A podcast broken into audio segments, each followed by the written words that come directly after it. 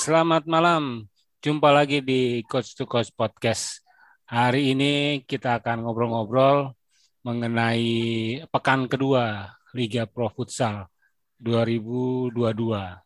Nah, seperti yang kita tahu di pekan pertama itu sudah ada hasilnya uh, di mana Halus FC kalah dari Pendekar United 1-2.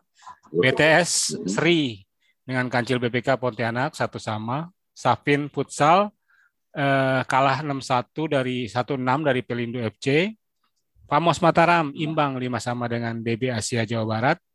Di hari kedua, Halus FC kembali kalah dari Pelindo FC 2-3. Ini the Battle of Jakarta. Safin Futsal ya. Club kembali eh, kalah dari DB Asia Jawa Barat 25.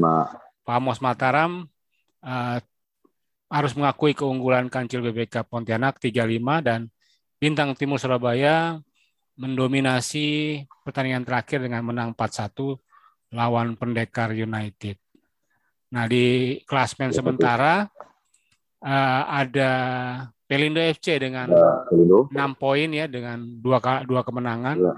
Terus disusul DB Asia ya. Jawa Barat uh, dengan satu kali menang, satu kali seri. Bintang Timur Surabaya juga sama, satu kali menang, satu kali seri. Dan Kancil BBK Pontianak satu kali menang, satu kali seri. Nah, uh, kita juga sudah ada Coach Ade di uh, obrolan hari ini. Juga ada Coach Denny. Ya, ya malam Coach David. Oke. Okay. Uh, ya, malam. Kita akan uh, bahas nih. Kalau menurut Coach Ade nih, gimana nih? Dan Coach Denny, soal pekan pertama ya. nih. Uh, Pelindo FC bisa uh, jadi pimpinan klasmen sementara ya. Iya. Kalau menurut saya sih Pelindo yang tahun ini lebih baik Bung dibanding Pelindo-Pelindo sebelumnya. Lebih kompak dari segi taktik. Oke. Lebih baik lah. Nah, kalau Coach Ade gimana Coach Ade? Melihat Pelindo FC juga ada debutan nih DB Asia nih yang eh, dari hari pertama ke hari kedua pemainnya stabil ya walaupun di hari pertama seri tapi hari kedua dia bisa unggul lawan Safin tuh 5-2 ya. Mm-hmm. Iya. Ya, kalau menurut saya sih gini, sesuai prediksi ya. Uh, sesuai prediksi di waktu dari awal yang saya bilang, mm-hmm. uh, Pelindo ini uh, berisikan pemain-pemain yang pengalaman terus di mix dengan pemain-pemain muda yang yang notabene yang kembali saya bilang eh, apa ya namanya eh, mumpuni dalam arti sinergitas mereka udah tercipta gitu. Eh, dengan baik eh, karena pengaruh besar dari para senior mereka gitu. Jadi nah kelihatan banget kan kemarin tuh uh, tim mereka bermain uh, yang mana aja yang diturunin sama Pelindo nggak nggak jauh-jauh itu gitu kualitasnya gitu sih menurut saya tadi gitu ya oke okay. nah, iya. untuk DB Asia gimana nih coach apakah nanti kira-kira dia bisa di pekan-pekan berikutnya dia bisa melaju ke papan atas ya sambil melihat ada BTS dan kancil BBK sih ya ya oke okay. eh, nggak tertutup kemungkinan sih tapi kalau kalau melihat uh, secara materi yang kemarin mereka tampilkan di di mana? Di pekan pertama uh, kayaknya masih masih masih sulit lah. Uh, sistem bermain uh, terus keseluruhan ya uh, globalnya. Saya belum belum melihat yang istimewa gitu. Belum istimewa banget. Dari kan uh, di pekan pertama kita pernah bahas secara yeah. semangat mereka waduh luar biasa Nah itu yang yang berbahaya. Uh, semangat itu bisa melebihi semua semua apa pun ya, ya. kalau orang udah semangat mah apa aja ditabrak nggak ada cerita seperti okay. itu kalau saya rasa kalau untuk untuk untuk tetap bertahan di atas ya mungkin agak sulit karena uh, di pada pekan pertama kita bisa melihat uh, beberapa tim mungkin hampir keseluruhan tim kecuali tim yang sudah mapan seperti Pelindo uh, apa BTS Eh yeah. bahkan BTS pun uh, kayak kemarin meraba-raba uh, seperti Pelindo terus ada pendekar. Nah itu udah mulai apa? Udah mulai menampakkan apa kemampuan mereka halus juga. Uh, sebenarnya bukannya musibah sih sebenarnya sih sampai dua kali kalah. Yeah. Ya, cuman uh, itulah uh, di pekan pertama itu selalu sulit. Jadi kita belum bisa meraba secara keseluruhan nih. Tapi menurut saya uh, ada beberapa tim yang udah yang udah uh, udah udah siap Pelindo terus uh, pendekar yang notabene pemainnya juga ada pemain-pemain yang udah ada beberapa orang pemain yang ini kebanyakan gitu uh, 80% sudah pernah di Liga Pro begitu Oke. Okay. Oke, okay, kalau gitu uh, uh, kita akan coba bahas di pekan kedua. Nah, di pekan ya. kedua ini ada empat klub yang tidak bermain, yaitu Halus FC, Safin Pati, DB Asia Jawa Barat, dan Kancil BBK.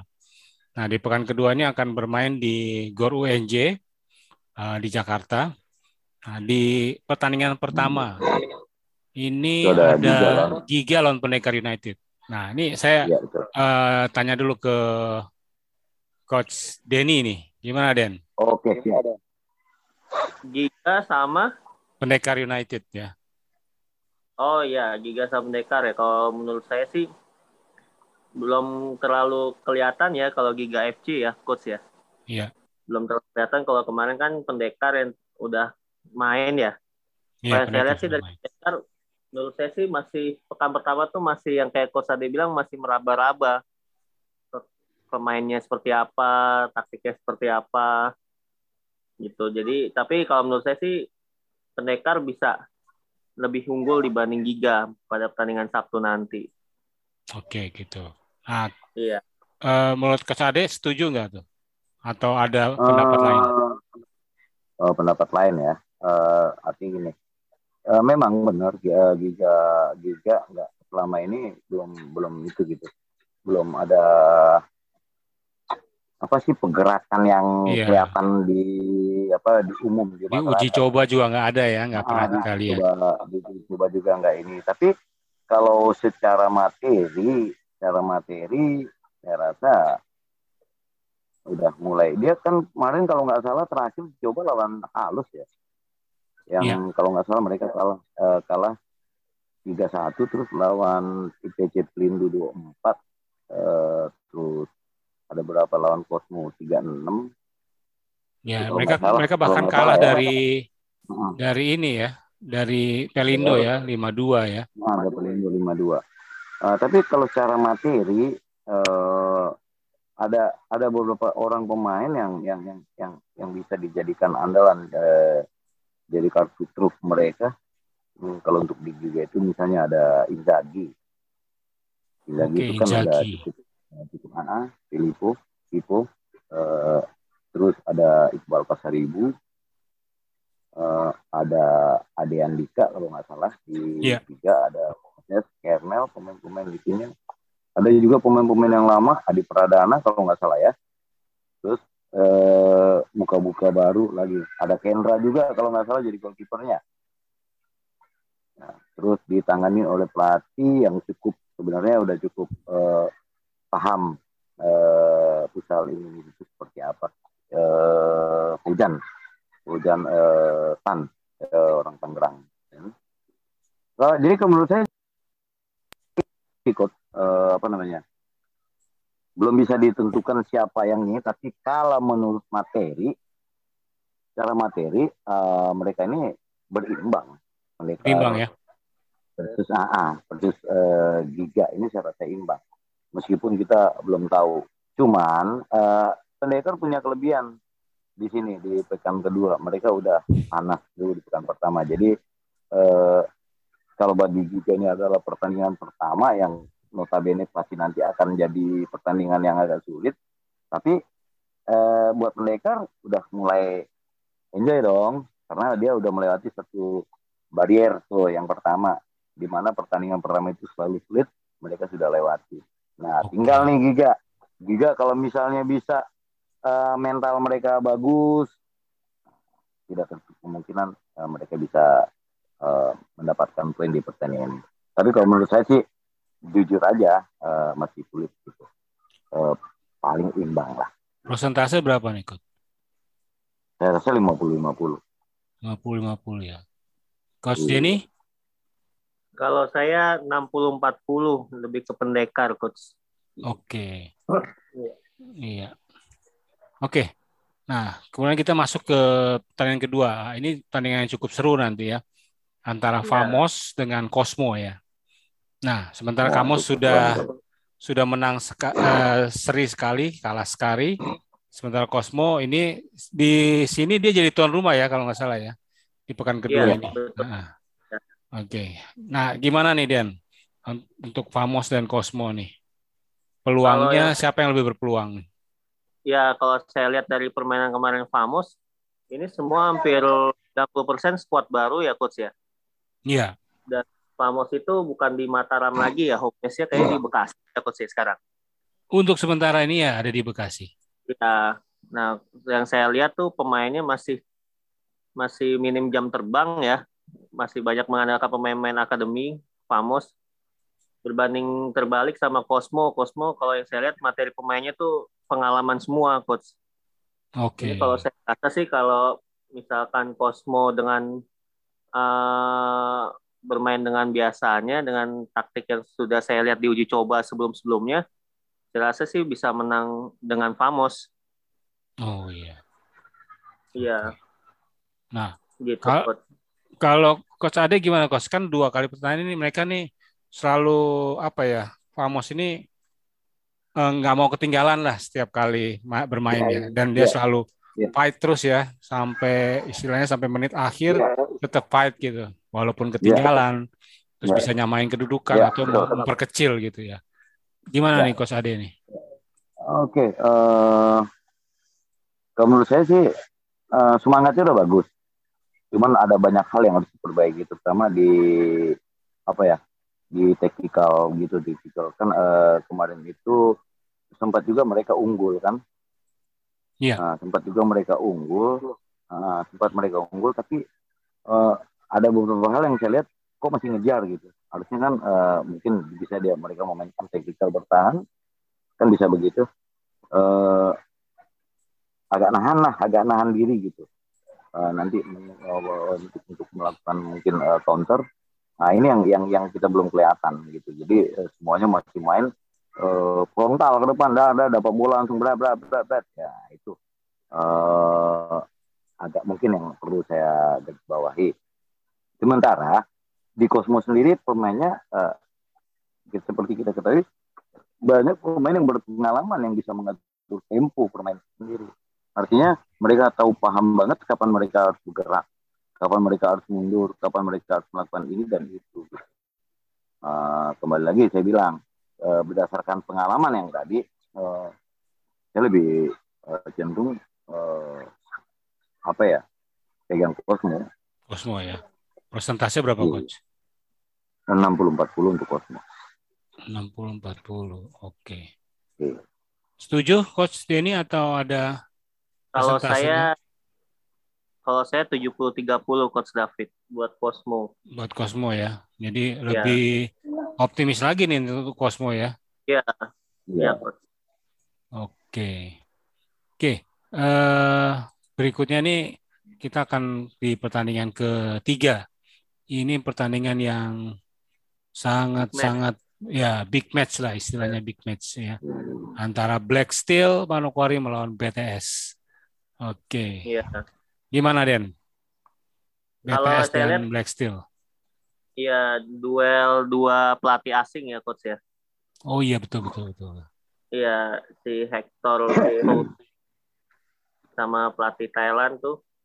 Iya. Si Hami. Iya, Rakpol Senegam. Rakpol, Senet.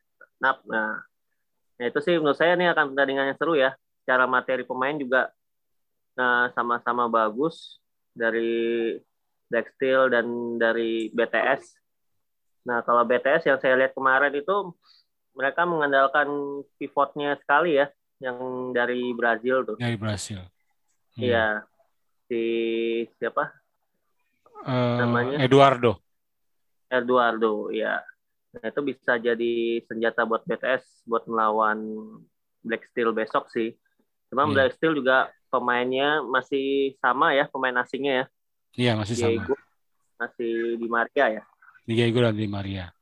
Iya, ya. nah itu bisa jadi senjata juga. Kalau menurut saya sih, kalau saya melihat dari, walaupun saya belum lihat Black Steel sekarang ya. Iya. Cuma sih saya masih megang Black Steel sih, Coach. Persentase saya untuk Black Steel? Pertandingan ini? 5545 untuk Black Steel. Oke. Iya. Iya. Kalau Coach Ade gimana Coach Ade? Uh, soalnya kan BTS ini uh, baru nampilin satu pemain asing ya. Pemain yang satu lagi dia hmm. belum belum mainkan ya. Dan hmm. dia baru mulai panas pada pertandingan kedua. Dan satu lagi hmm. dia punya pivot banyak sekali nih ya. Ada ya, Al Alfajri Zikri, terus Eduardo, ada uh, Traktor, Andri Kustiawan, ada hmm. Samuel Eko, seperti itu. Iya. Iya, gimana coach?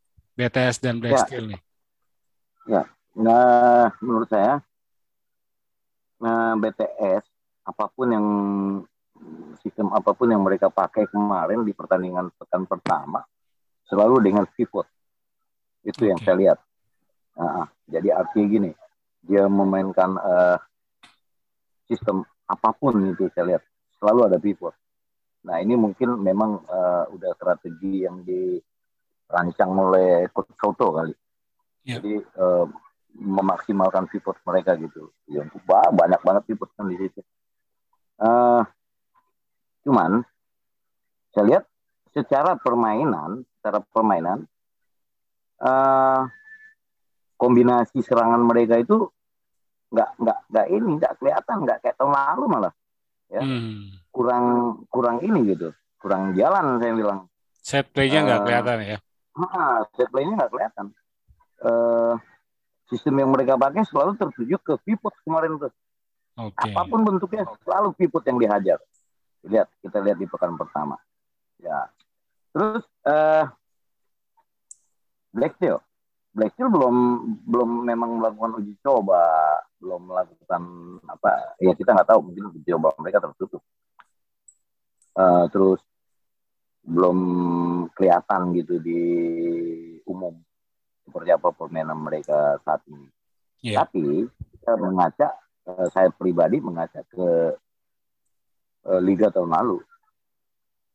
Liga tahun lalu itu uh, dengan pemain yang nyaris sama, nggak tertutup kemungkinan uh, dengan pelatih yang sama, pemain yang sama, nggak tertutup kemungkinan uh, nanti di apa namanya di pekan kedua ini ketika ada bisnis lawan BTS uh, Blackpink bisa mengendalikan permainan. Saya rasa seperti itu. Uh, bukan bukan bukan tanpa sebab bukan tanpa alasan yeah. saya bicara gitu. Karena kita tahu. Mereka kan Blackpink lama sekali bareng-bareng itu. Nah itu satu. Yang kedua Black Steel itu kaya dengan apa ya? Saya lihat mungkin karena faktor uh, kebersamaan mereka terus juga coach anehnya sendiri uh, apa? Set play mereka beragam yang saya lihat itu tahun lalu ya. Karena ya. kita belum lihat tahun ini. Beragam. Terus set piece mereka juga sama beragam juga jadi uh, set piece mereka kadang-kadang aneh gitu aja tapi jadi gol nah itu alasannya gitu uh, untuk di pertandingan kedua ini bisa jadi uh, Black Steel akan jadi pemenang ya. Persentase Dengan kalau persentase saya 60 40. 40 buat BTS ya. 60 buat, buat Black Steel. Iya. Oke. Iya. Oke. Oke, ini uh, masih di hari perta hari pertama pekan kedua pertandingan iya, terakhir iya. ada Sadakata lawan Pelindo. Nah, saya ke Kos Ade dulu nih. Pelindo udah dua kali menang lawan Sadakata ini kira-kira Gimana nih coach? Hmm. Oke, okay, um, seperti kita ketahui kan Pelido di pekan pertama uh, udah menampilkan sebuah permainan yang. Menurut saya ya cukup lumayan impresif perpaduan antara pemain pemain senior yang pengalaman dengan pemain uh, junior mereka. Uh, yang kelihatan juga sih cara bermainnya lumayan lumayan apa lumayan hampir mirip-mirip tahun lalu mirip-mirip tahun lalu cuman dengan dengan pergerakan mungkin uh, darah-darah muda mereka yang udah yang udah mulai kelihatan nih agak matang uh, terus di dengan uh, uh, sadakata. Sadakata sama juga sih kalau menurut aku. Uh, di sisi ke pelatih uh, dia pelatih yang sangat dihormati oleh pemain. Sayan Karmadi ini jadi faktor utama menurut saya. Jadi eh, bisa saja nanti ketika di dalam pertandingan apa yang diminta oleh Sayan seperti yang saya bilang di pekan pertama kalau saya bilang lu harus mati di lapangan ya mereka akan menjalankan gitu dengan semangat, dengan semangat mereka uh, ditambah dengan materi pemain di kata ini yang menurut saya uh, memang tidak sebaik pemain-pemain yang lain, maksudnya tidak sebagus pemain yang lain. Cuman ada beberapa pemain yang sudah bersama-sama sama-sama dalam waktu yang lama, terutama pemain-pemain yang dari masalah sendiri.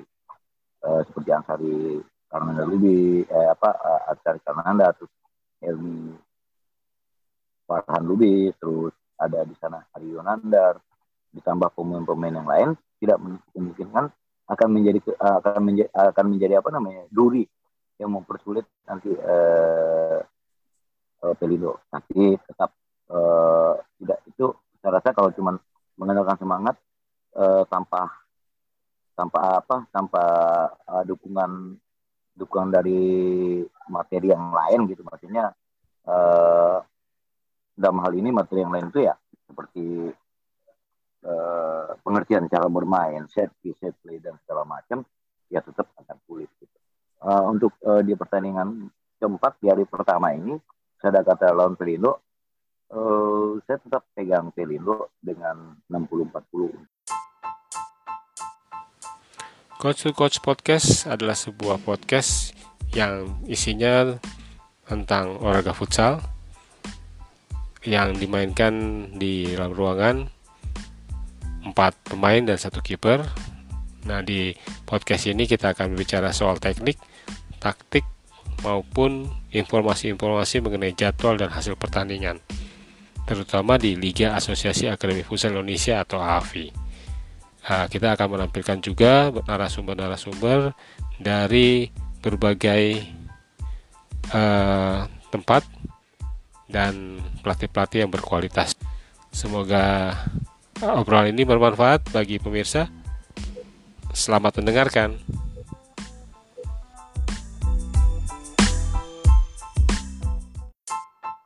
Uh, Coach Denny, gimana dengan pertandingan terakhir di hari pertama, pekan kedua, Sadakata lawan Pelindo?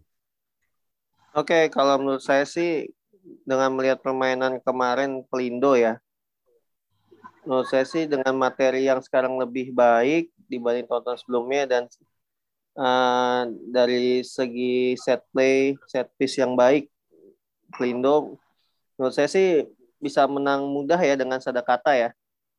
Karena oh. saya lihat kemarin waktu uji coba Sadakata masih kurang baik ya dalam set play dan uh, perpaduan pemainnya belum terlalu padu gitu. Tapi ya sekali lagi yang saya lihat kemarin waktu lawan Halus Pelindo itu kalau terpancing emosi mainnya tuh jadi kurang baik gitu. Jadi buyar apa yang sudah direncanakan. Nah, saya uh, kalau misalkan kata bisa memanfaatkan sisi saya rasa sih masih ada peluang untuk menyamakan skor atau misalkan bisa menang pertandingan. Gitu sih Coach David. Iya. Karena di pada saat uh, di di Brandon Cup itu uh, Sadakata dan Perindo itu seri ya, dua sama ya. Iya, betul. Nah, Oke, okay, untuk presentasi ini berapa? Kalau presentasinya saya 5545 untuk Pelindo, coach. Oke. Okay. Oke. Uh, kita masuk ke hari kedua, pekan kedua. Nah, di pertandingan pertama ini ada Famos lawan Pendekar United. Nah, kalau misalkan Famos eh, di hari pertama pekan kedua itu tidak bisa mengatasi Cosmo, ini hidup dan mati nih Famos melawan pendekar menurut iya. saya ya karena kan berada di klasmen di bawah nanti jatuhnya seperti itu. Iya betul. Nah, gimana Den menurut kamu Den? Uh, saya sih baik ya Famos kan masih dengan pemain akademi rata-rata dan minim jam terbang. Sedangkan pendekar itu kan ownernya aja Hatta Halilintar ya. Iya. Kira-kira main gak tuh pekan kedua? Aku kurang tahu deh. Kalau dia main sih ya bisa jadi ini ya. Bisa jadi apa hiburan buat kita gitu loh. Oke. Okay. Tapi kalau saya sih dari pendekar dari sisi pemain lebih berpengalaman dibanding Famos coach. Iya. Yeah. Ya masih ada beberapa nama besar ya seperti Fandi, lalu ada si Uta. Oke okay, ya Uta masih, ya. Ya masih main di pendekar dan pelatihnya pun Wahyu BW ya. Ya. Punya banyak pengalaman di futsal. Kalau saya sih masih unggul pendekar ya, walaupun tipis. Persentase? Ya. Persentase lima lima empat puluh David untuk pendekar. Iya. Coach Ade gimana Coach Ade? Pendekar lawan Famos. Okay. Ya, untuk di hari kedua, bukan kedua ya. Iya. Uh, kalau saya sendiri sih uh, lebih masih pegang pendekar lah dengan apa namanya dengan uh, melihat hasil dari pekan pertama mereka cukup impresif uh, dan cukup menjanjikan kelihatannya uh, dengan persentase 55 45 untuk pendekar uh, tapi dengan catatan juga ulasannya seperti ini uh, karena Pamos uh, hanya belum belum belum belum apa masih cuman mengandalkan semangat yeah. terus uh, hanya diperkuat oleh beberapa orang pemain yang yang yang dulu pernah bermain di liga seperti Angga Sidik dan rekan-rekan yang dari Mataram. Iya. Uh, tapi belum cukup sih kalau untuk cara materi ya uh, di pendekar sendiri masih bercokol pemain-pemain yang yang udah cukup lama juga mas karena garam di Liga Pro. Uh, kalau misalnya masalah Hatta mau main ya nggak ada masalah juga karena kalau secara kita lihat ya eh, di IG IG apa di mana videonya. Ya, ternyata dia cukup mumpuni. Cuman ya entah itu secara fan fan futsal atau fan football tapi yang jelas eh, jadi eh, beliau kan belum ngerasain atmosfer yang benar-benar Liga Pro. Tapi kalau seperti kata Denny ya itu tadi sebuah hiburan jadi buat kita hiburan ya buat kita semua ya. Nah, nah, nah, hiburan buat kita semua. Terus sekaligus kita bisa ngeliat sampai mana sih gitu kita sih berharap dia turun sampai sejauh mana sih gitu nah itu ya. uh, presentasi itu tadi empat empat eh, empat lima empat lima lima lima ya untuk pendekar iya untuk untuk pendekar oke okay. next pertanyaan berikutnya ini juga big match juga di hari kedua pekan ya. kedua antara hmm. BTS dan Pelindo ya sama-sama ada di ya. papan atas kalau dari pekan pertama Uh, bedanya BTS ini sempat ditahan imbang satu sama oleh Kancil BPK, sementara iya. Pelindo iya. mulus ya dua kali pertandingan bisa dua kali mengambil poin tiga, jadi enam poin dia sekarang untuk sementara berada di puncak klasmen. Coach Ade oh. gimana Coach Ade? Oke, uh, secara materi uh, mereka berimbang nih BTS sama Pelindo. Sama-sama punya banyak pemain berpengalaman. Uh, hanya saja sekarang pendidikan BTS nih uh, timnas ini nih. ya. Timnas ini karena tinggal bagaimana caranya uh, dua pelatih memanfaatkan pemain-pemain mereka semaksimal mungkin. Itu aja. Uh, bisa apa enggak gitu ya kan? Tapi catatan tanda kutip hati-hati nih dengan uh, timnas mini. Artinya semua pemain bisa jadi kelihatan males. Yeah. Ya, karena mereka tuh istimewa, merasa eh, diri, diri lebih istimewa kan gitu. Ya kan? Bayangkan, oh 90 persen pemain timnas di sana. Uh, jadi akhirnya nanti karena ekspektasi yang dibebankan kepada mereka begitu tinggi bisa menjadikan bumerang gitu. Itu yang saya mau bahas eh, tentang BTS ini. Akhirnya nanti kan berefek ke permainan mereka. Nah, sementara Pelindo ya bermain dengan enjoy lepas. Kayak kemarin lepas sekali. Nggak ada nggak ada ini nggak ada apa namanya. Nggak ada beban. Sinergi mereka tuh bagus. Gitu. Kalau secara materi BTS mungkin bisa ada di atas Pelindo tapi secara mental psikologi saya lebih condong ke Pelindo karena mereka bermain tanpa beban. Sementara BTS bermain dengan beban saya rasa. Karena eh sampai kemarin uh, predikat timnas mini itu. Begitu. Uh, untuk uh, BTS dengan Pelindo sendiri sendiri saya prediksi akan terjadi seri eh, dengan uh, persentase 50-50 50-50. Demikian. Ya. Oke. Okay. Oke, okay, Den. Nah, kan ya, uh, Pelindo kan kalau dari jadwalnya di, diuntungkan ya.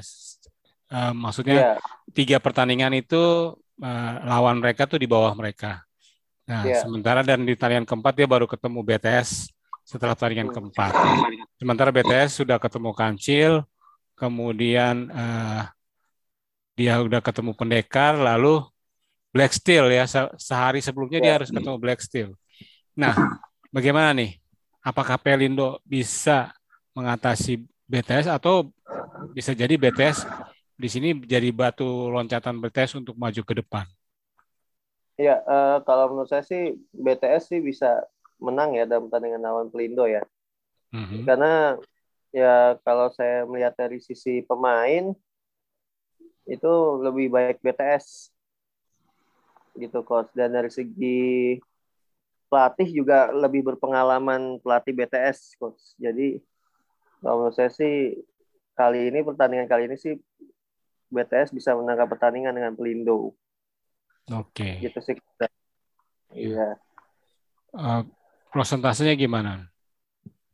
Prosentasenya 55-45 coach buat BTS. 55-45 ya. Iya. Oke. Oke, okay.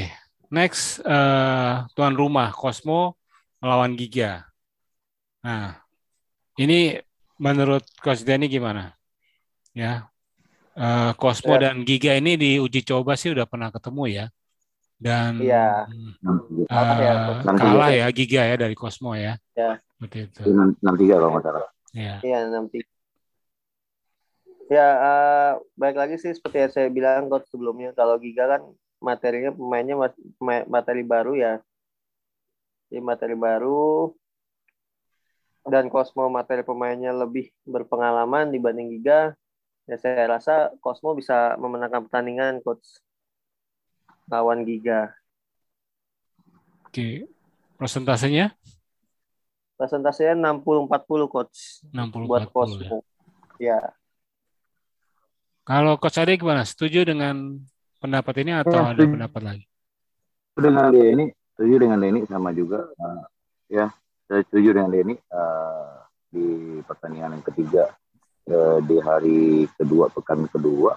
Uh, semua akan mendominasi kalau saya rasa sih untuk ke pertandingan ini. Uh, ya, kita tahu semua pemain Cosmo yang udah berpengalaman begitu uh, udah lama bersama-sama saya rasa ya uh, presentasinya 60-40 untuk untuk Cosmo ya. Iya. Ya. Oke, okay. uh, eh, terakhir ini pertandingan terakhir uh, pekan kedua ini akan ditutup dengan Black Steel lawan Sadakata. Saya rasa Sadakata bisa menyulitkan Black Steel, coach. Tetap menang Black Steel tapi skornya tidak terlalu jauh, coach kalau menurut saya. Oke. Uh, persentase? 5545 Coach David. 5545. Black Steel lawan Sadakata. Gimana ulasannya? Iya. Iya oke. Okay. Uh, eh, untuk uh, untuk pertandingan keempat ya di hari kedua pekan kedua. Uh, saya pegang Steel dengan uh, 60-40 de, dengan ulasan catatan seperti ini. eh, Black Steel yang dihuni oleh pemain-pemain yang notabene pemain yang sangat pengalaman begitu eh, sama-sama pula dari tahun-tahun yang lalu. Eh, paling ada yang keluar ada beberapa orang aja ya yang di ini. Ya. apa nggak ada yang keluar malah kalau ya? Uh, nggak ada, ada keluar malah. Nggak ada keluar malah. Jadi uh, itu sebuah keuntungan yang besar buat mereka. Uh, untuk jadi lebih mematangkan secara uh, apa tim yang gitu. Nah, terus sementara kata sendiri uh, di mana uh, dihuni oleh pemain-pemain pemula, pemain-pemain pemula awal meskipun ada beberapa pemain yang sudah uh, bermain di liga uh, di liga pro sebelumnya, tapi itu kurang cukup menurut saya untuk menandingi uh, uh, Black Steel gitu, uh, berdasarkan pengalaman dan mental maupun strategi. Cuman uh, catatannya yaitu tadi semangat itu nggak bisa dikesampingkan. Semangat. Ya kan pada kata sendiri uh, semangat anak muda itu nggak bisa dikesampingkan. Mereka juga punya ini, punya apa? Punya artinya gini, punya keinginan untuk untuk apa bisa kapan lagi gitu kesempatan untuk ketemu dengan pemain-pemain yang hebat. Nah, uh, punya kesempatan untuk beradu langsung dengan pemain-pemain top, nah itu setidaknya jadi motivasi buat mereka untuk menaikkan harga. Mungkin kan seperti itu. Uh, yang kedua, coach saya sendiri adalah coach yang berpengalaman gitu. Pelatih yang berpengalaman yang tidak tertutup kemungkinan mempunyai strategi khusus untuk menahan bagaimana Blackfield tidak leluasa uh, berbuat nanti di pertandingan mereka. Begitu. Iya. Nah, ini kita sudah uh, ngobrolin soal pekan kedua. Nah, uh, di pekan pertama itu kalau dilihat uh, pemain mudanya itu baru beberapa uh, tim yang beberapa klub ya yang yang menurunkan ya. Yang saya lihat kemarin ada Adrian ya kalau nggak salah dari Halus ya. Iya Adrian. Nah, dia tuh bahkan bisa mencetak gol di debut pertamanya. Kemudian dari Famos juga ada si uh, Fauzan kalau nggak salah Fauzan. Fauzan. Uh, iya. Kayaknya baru dua klub ini aja yang menurunkan pemainnya atau dari pemain muda ya. Pemain muda ya. Apa mungkin dari Safin ya saya juga kurang begitu perhatikan tapi yang saya lihat baru dari Halus sama dari uh, Famos yang menurunkan pemain. Nah, menurut coach uh, Ade dan coach Denny kira-kira nih di pekan kedua ini uh, peran atau menit bermain buat pemain pemain-pemain muda ini gimana nih coach? Uh, saya dulu ya. Iya. Yeah. Oke. Okay. Uh, kalau menurut saya sih masih masih agak agak susah sih menurunkan pemain-pemain muda karena uh, secara apa ya uh, individual, physical individual mereka, skill mereka juga mungkin mungkin saja uh, pelatih belum belum begitu percaya. Uh, kecuali kalau mereka yang benar-benar sudah kelihatan bermain uh, di turnamen-turnamen sebelumnya seperti Andin Andin kita kan sendiri Andin atau Ucok itu uh, banyak uh, bermain di di saya juga pernah di satu Aceh dan memang terpantau sejak jauh-jauh hari. Jadi uh, mungkin itu jadi alasan pelatih untuk berani menurunkan dia gitu Uh, cuman uh, ada beberapa pemain yang saya nggak kenal gitu. Yeah. Saya nggak kenal itu pemain. Uh, jadi nggak nggak tertutup kemungkinan sih mereka diturunkan, tapi hanya paling uh, satu menit dua menit tarik kembali sebagai pengalaman atau penambahan yang terbang itu aja sih coach tapi. Okay. Tapi untuk uh, secara keseluruhan uh, belum. belum uh, ya. Saya rasa mereka masih tetap uh, setiap klub tetap uh, berpegang pada uh, apa sistem yang sudah ada. Begitu, Pak kalau Coach Jenny gimana? Ya kalau saya sih masih belum diberi terlalu banyak menit bermain ya coach ya. Yeah. Untuk pekan kedua ini. Karena kan ada beberapa pertandingan penting di pekan kedua ini yang saya rasa tim-tim tersebut belum berani banget gitu buat nurunin main mudanya. Tapi yeah, kalau yeah. saya lihat sih pasti ada di Black Steel ya. Karena kalau saya lihat materinya kebanyakan pemain asli Papua mm-hmm. dan masih pemain-pemain muda semua saya rasa sih Black Steel yang paling berpeluang untuk menurunkan banyak pemain muda di pekan kedua ini. Oke. Okay. Iya. Iya. Nah, kalau misalkan di, di sepak bola ya waktu itu kita pernah lihat di liga sepak di liga 1 itu kan ada pemain pemain muda ya. Tapi itu ada iya. aturan. Iya. Mereka bis mereka diturunkan di uh, babak pertama kalau nggak salah di 15 menit pertama ya. Semua tim harus menurunkan semua pemain muda di 15 menit pertama. Setelah itu uh, mereka bisa mengganti pemainnya. Nah, kira-kira di futsal bisa nggak diterapkan seperti itu? Supaya Benar karena bisa aja. Uh, karena kan ini sayangnya permintaan pemain muda ini kan karena ada coach scan ya. Nah, tapi ya. coach scan-nya sekarang udah tidak nggak ada lagi. Jadi uh, ini agak jadi dilema juga nih buat klub-klub nih. Uh, ya. Apakah mau menurunkan dan kalau misalkan dikasih aturan seharusnya bisa sih. Jadi uh, ketika mereka memainkan pemain muda uh, ada waktunya mereka harus bermain dan dikasih kesempatan mungkin 5 sampai 10 menit seperti itu. Gimana coach? Ya kalau saya sih ini dulu, ini dulu. coba di bola sih bisa aja coach. Kayak saya baru dengar tuh di Kamboja itu Liga Kamboja Liga bolanya itu memakai aturan seperti Liga 1 yang tadi coach bilang itu. Iya. Ya, jadi menerapkan peraturan seperti itu karena mereka butuh tim untuk persiapan AFF atau Asian Games ya kalau nggak salah.